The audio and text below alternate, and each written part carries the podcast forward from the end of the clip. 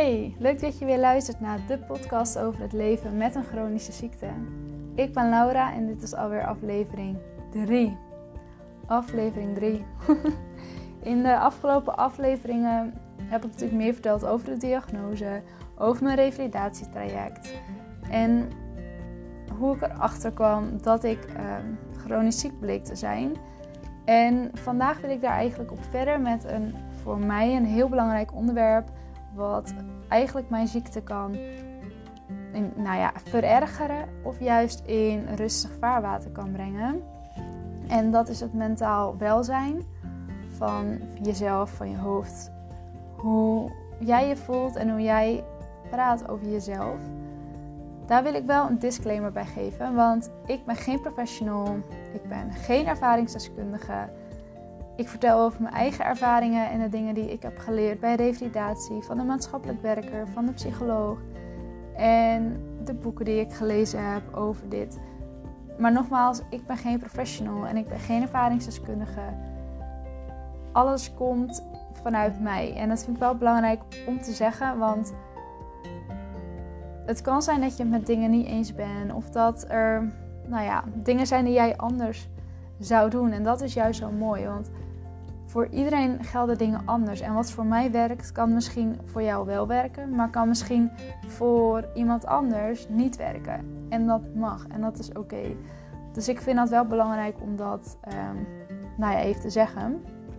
Gaan we nu door naar deze aflevering 3 alweer. Aflevering 3, echt wel bizar. Ik merk dat ik het steeds makkelijker vind worden om zo te praten zonder dat je in beeld bent. maar ik vind het ergens ook nog wel steeds een beetje spannend. Ik vind deze ook een beetje spannend, omdat het gewoon best wel.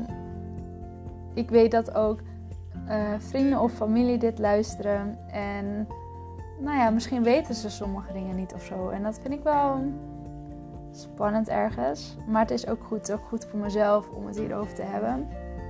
Want ik wil even teruggaan naar december 2022. Dat is namelijk de maand waarin ik de diagnose kreeg. Maar ook de maand waar ik er goed doorheen zat, kan ik je zeggen. Uh, ik slikte zware medicatie. En die medicatie wordt ook ingezet bij mensen met een depressie. Maar ik had geen depressie. Laat dat even heel duidelijk zijn. Ik had geen depressie. Uh, voor mij werd die ingezet voor de zenuwen. Alleen wat gebeurde er? Door de hoge dosering die ik kreeg, zeer hoge dosering, ging het bij mij een tegenovergestelde werking doen. Wat inhoudt, hij deed wel zijn best voor mijn zenuwen en het werkte een soort van. Alleen het zorgde er ook voor dat ik depressieklachten kreeg. Um, en dat lijkt bijna op een echte depressie. Het verschil is alleen, het wordt veroorzaakt door de medicatie. En met afbouwen van de medicatie moet dat ook weer beter gaan. En um, ik had dus niet dat ik echt depressief was, al leek het wel zo. En de dingen die ik nu ook vertel lijken daar ook best wel heel erg op. Want uh, ik had eigenlijk nergens meer zin in. Mijn afwas lukt eigenlijk amper tot niet. Um, de was bleef uh, wekenlang liggen. Mijn huis was een rommel. Um, ik at niet meer gezond. Ik had geen puff meer om te koken. Dus ik deed steeds maar iets simpels of iets in een pan, wat al kant en klaar was. Ik had eigenlijk gewoon nergens meer zin in. Sowieso kwam ik in een isolement terecht omdat ik gewoon niet veel meer kon. Ik liep volledig op krukken en hield dat niet lang vol. Dus ik kon net aan een kleine boodschap doen dicht bij huis en dat was het ook wel. Mijn boodschappen werden gedaan door een vriendin die in hetzelfde pand woont of door mijn zusje die in dezelfde stad woont. Maar daardoor kwam ik wel in een soort negatieve spiraal terecht. En normaal kon ik mezelf daar heel goed uithalen. Want ik heb vanaf jongs af aan faalangst. En ik had daar allemaal trucjes voor en allemaal dingen voor, waardoor ik gewoon lekker kon leven. En ik had er niet heel veel last van. Op sommige vlakken wel, maar op andere vlakken helemaal niet. En ook die faalangst kwam enorm terug. Maar het lukte me niet om dat van me af te praten. Het lukte me niet meer om die stemmen uit te schakelen, omdat ik het gewoon allemaal niet meer wist. En uh, dit heb ik toen aangegeven bij de revalidatiearts tijdens het gesprek. En die heeft ook meteen gezegd: dan gaan we het hele team erop gooien. En dat hield dus in dat ik ook een psycholoog kreeg en ook een maatschappelijk werker. En daar ben ik vanaf, nou nog vanaf, nou wat was het, januari denk ik. Eind december, januari, ben ik daarmee gestart. Volgens mij pas in de derde week van revalidatie. Uh, omdat natuurlijk kerst en oud en nieuw en alles ertussen zaten. Um, maar dat heeft mij zo geholpen en heeft zoveel dingen rechtgezet. Dat ik het echt iedereen zou aanraden. Zoek alsjeblieft hulp. Het is heel gek om dat te zeggen. Zoek alsjeblieft hulp, want ik deed het ook niet. En ik heb nooit hulp gezocht, ook niet voor mijn faalangst. Alleen als kind een keer zo'n training wat heel veel kinderen krijgen waar ik niet zoveel aan had. Uh, ik heb mezelf altijd gezegd, ik ben niet erg genoeg met mijn faalangst en dit en dat. En ik kan het gewoon en dit en dat. Terwijl dat nou, niet helemaal het gevoel, geval was. Want vooral op het gebied van zingen, theater, kreeg ik gewoon complete blackouts van de zenuwen. En ook tijdens presentaties. Ik kon gewoon zo ontzettend draaierig en duizelig worden van de spanning. Dus ik kon het helemaal niet zelf, maar ik had mezelf aangepraat dat ik het zelf kon. tegen ja, ongeveer februari, maart ehm, begon mijn mentale welzijn weer een stuk beter te worden. Het lukte mij weer om een dagindeling te maken, een dagplanning, de afwas te doen. Nou ja, allemaal dat soort dingen. En ik kon op dat moment ook weer wat meer lopen, waardoor ik weer meer naar buiten ging. En mezelf ook meer verplichten om een rondje te lopen. Om gewoon onder de mensen te komen en, en iets. En ik um, leerde nieuwe vrienden kennen. Via, ja, hoe gek het ook klinkt, via TikTok heb ik een aantal hele goede vrienden inmiddels uh, leren kennen. Ik was in het begin heel sceptisch over TikTok, kan ik je heel eerlijk vertellen.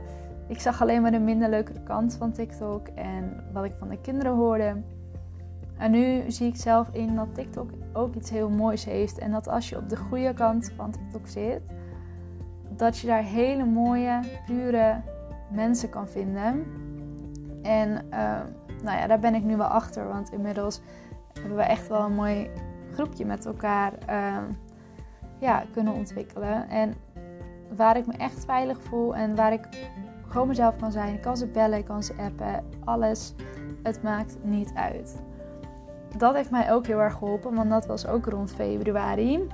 Waardoor mijn wereld weer groter werd en ik weer vrienden kreeg om mee te praten en te videobellen en weet ik het wat allemaal. Wat ontzettend gaaf was. En laten we nu even naar dit moment gaan. Vandaag, hoe voel ik mij vandaag? Vandaag gaat het redelijk. Ik heb gisteren een mentaal hele slechte dag gehad. Um, dit komt omdat er heel veel speelt in mijn leven op dit moment. Uh, de afgelopen maanden heb ik heel wat mensen moeten wegbrengen, helaas. En um, dat gebeurde nu op het werk ook maandag. En daarnaast ligt mijn oom altijd in het ziekenhuis. Ziekenhuis in, ziekenhuis uit, ziekenhuis in, ziekenhuis uit. En nu er weer volledig in. En die werd gisteren geopereerd. En dat was ook gewoon heel erg spannend. En zo gauw er een beetje spanning is, dan merk ik dat meteen ook aan mijn ziekte en aan mijn uh, nou ja, mentale welzijn. Want dan krijg ik steeds meer moeite en komen die faalangststemmetjes weer naar boven. En wordt de boel weer een bende. Ik dwong mezelf letterlijk om af te wassen. En uh, leidde mezelf met van alles af. Maar ja, het is natuurlijk niet helemaal de bedoeling. Um, Eigenlijk zou ik gisteren namelijk ook een blog geschreven hebben en ik zou de podcast hebben opgenomen. Het is nu, nu ik dit opneem, half twaalf op donderdag. En uh, deze podcast komt zo meteen ook gewoon online. omdat ik hem dus gisteren niet heb kunnen opnemen, omdat het me gewoon echt niet lukte. En dat is ook luisteren naar jezelf. Lukt het niet, dan lukt het niet. Net als mijn blog, die komt op woensdag online. Die is vanochtend online gekomen nadat ik hem vanochtend heb afgeschreven omdat het niet lukte gisteren. En dat is niet erg. En dat mag ook. En het mag er zijn. En waar ik me dan voorheen echt gewoon druk om kon gaan maken en tegen mezelf kon zeggen: zie je, je faalt, je kan niet consistent zijn, uh, het lukt je niet. Had ik nu gewoon zoiets van: nou ja, weet je, dan maar een dag later of dan maar op dezelfde dag, zoals deze podcast. Maar dat is wel iets wat ik heel erg nou ja, geleerd heb ook bij uh, de revalidatie. En waar ik nu heel erg op kan terugvallen. Ik denk dat heel veel mensen die bij een psycholoog hebben geweest wel het signaleringsplan kennen. Um, ik dacht echt, daar doe ik niks mee. Maar ik zweer, de afgelopen week heb ik hem meerdere keren moeten pakken om mezelf weer op orde te krijgen. Dus eerlijk is eerlijk, het helpt wel echt. Nou is er nog een dingetje waar ik heel erg tegen aanloop en misschien jullie ook wel. Um, is dat wanneer je eigenlijk altijd mensen jou altijd positief zagen en jou altijd blij zagen. En weet je, als je naar mij kijkt, ook als je me ziet op TikTok, dan zie je me lachen. Dan zie je me. Ik krijg van veel mensen positiviteit uitstralen terug. En dat is ook echt wie ik ben. En ik ben ook echt positief. Maar dat betekent niet dat je altijd positief kan zijn. En ik merkte heel erg dat wanneer ik een beetje kenbaar maakte naar mensen in december dat het niet goed ging, dat je dan snel terugkrijgt: oh, maar weet je, het komt wel weer goed, je wordt geholpen, huppakee, positief blijven. Allemaal dat soort dingen. Terwijl ik altijd positief was en nu aangaf van het gaat niet meer. Dat dan mensen je eigenlijk niet eens willen of kunnen, of ik weet niet wat het is. Maar er was zoveel onbegrip over het feit dat ik ineens niet positief was. En dat ik een schim van mezelf was. En ik vond dat heel lastig om mee om te gaan. Want ik had juist mensen nodig die het beaamden, maar die me verder konden helpen. Maar niet mensen die me bijna op mijn kop gaven van... Oh, het gaat niet goed, niet zo zeuren jij. En dat vond ik wel heel lastig om mee te maken. En ik weet niet, hebben jullie daar ook ervaring mee? Of hoe, hoe ga je daarmee om? Want ik vind dat soms nog steeds wel lastig. Want ik heb mezelf ook een soort van aangepraat dat ik dan altijd maar positief moet zijn. Terwijl dat is echt niet zo. En je mag huilen. Je moet zelfs gewoon af en toe huilen. En dat laat ik mezelf nu wel toe. Maar ja, het blijft toch altijd wel een, een, een gek dingetje of zo. Ik weet niet, hebben, hebben jullie dat ook? Maken jullie dat ook op die manier mee? Ik ben wel heel erg benieuwd. En ik heb natuurlijk al een hele hoop verteld over mijn mentale. Oh, ik vind het zo spannend als deze straks online komt. Ik ben gewoon zo open en eerlijk over mijn mentale welzijn op dit moment. En dat vind ik best wel gek of zo. Ik ben nog nooit zo open geweest over dat onderwerp. Terwijl het zo, zo super belangrijk is om dit te doen. En het is zo ontzettend belangrijk om hierover te praten. En iedereen zegt wel, het wordt steeds makkelijker en het is steeds opener. Maar ik ben het daar eigenlijk helemaal niet zo mee eens, als ik heel eerlijk ben. ik weet niet waarom, maar ik zie nog zo vaak dat het een soort van geaccepteerd wordt, maar op social media ook eigenlijk niet. Want mensen die echt eerlijk zijn, die alles real laten zien, lees je allemaal comments van: oh, je wil alleen maar aandacht, aandachtzoeker, allemaal dat soort dingen. En dan denk ik: oh, er valt nog zoveel te leren over dit onderwerp. Ik ga ook niks van niks pedagogiek studeren, omdat ik me heel graag verder wil verdiepen in hoe ik kinderen kan helpen en jongeren kan helpen met hun mentale welzijn. Dus ja. Maar ja, zelf vind ik het dus ook nog spannend. wel heb ik, dacht ik vind het misschien wel leuk om jullie te vertellen wat ik eigenlijk een beetje een paar tips die ik gebruik om nou ja, positief in het leven te staan. En het klinkt misschien heel cliché, maar het helpt echt, is meditatie. En eerlijk is eerlijk, dat de psycholoog voor de eerste keer zei je moet gaan mediteren, dacht ik ja, doei. echt niet.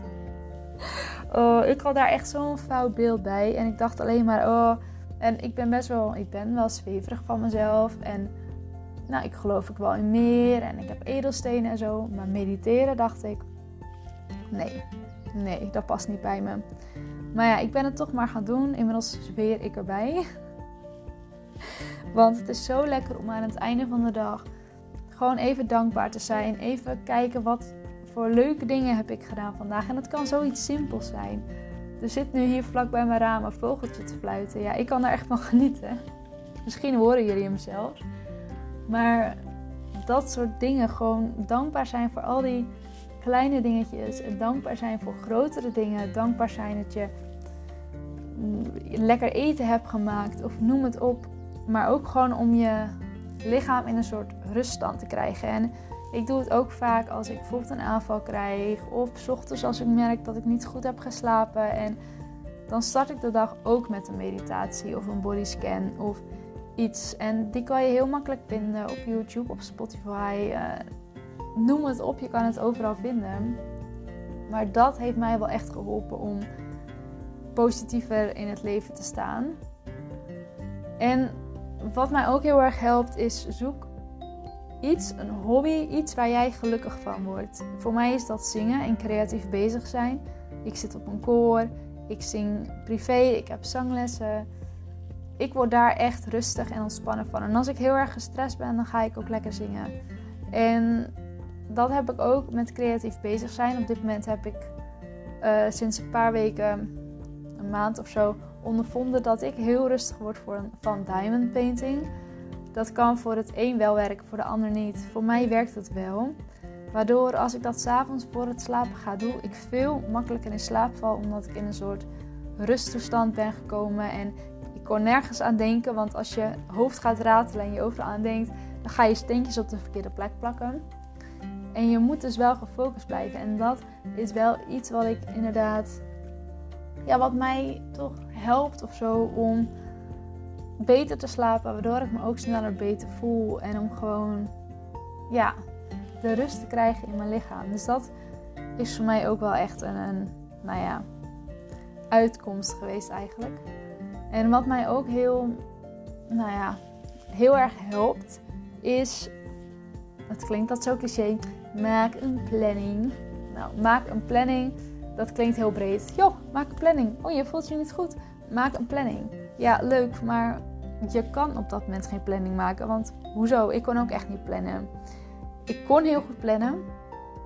Maar toen het mentaal echt niet goed ging, kon ik echt niet meer plannen. Dus dat is ook altijd een beetje zo'n ja, gekke van maak een planning. Maar wat bedoel ik nou met maak een planning? Wat ik daarmee bedoel is letterlijk gaan opschrijven. Um, wat moet ik allemaal doen? Um, zet alles op papier, maar dan heb ik het echt over alles. De afwas, wassen, douchen, tanden poetsen, eten, noem het maar op. Schrijf het op. En plan dat letterlijk gewoon stap voor stap. Wat ik heel lang heb uh, gedaan, is dat ik gewoon iedere ochtend. Ik had een ochtendroutine gemaakt en een avondroutine. En die pakte ik er ochtends bij en ik ging letterlijk de stappen langs. Wat ga ik nu doen om me beter te voelen? Op die manier is het mij uiteindelijk gelukt en nu heb ik dat niet meer nodig. Alleen op slechte dagen. En plan ik nu gewoon weer de dingen die ik moet doen en dat soort dingen. Ik gebruik daar nu de planning, planner Masha. De prikkelarme planning voor. Die vind ik echt top, die prikkelarme planning. Um, maar dat helpt mij heel erg om uiteindelijk een planning weer te kunnen maken. Want je hoort alleen maar maak een planning. Ik had geen idee. En dat heeft mij enorm geholpen om, nou ja, mij beter te voelen.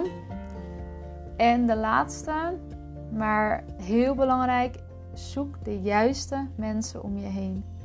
Vind de juiste mensen om je heen ook op TikTok of iets proberen connectie te maken met mensen waar jij een positief gevoel van krijgt. Dat kan ook door alleen maar met een filmpjes te kijken en te reageren op een filmpjes of naar YouTube filmpjes te kijken. Maar zoek mensen, dingen, dieren, iets waar jij positief van wordt. Waar jij het gevoel van krijgt van oh ja, hier voel ik me veilig of hier kan ik mezelf zijn. Of Weet je, op die manier. Want ik had dat ook niet. Waardoor het heel moeilijk werd.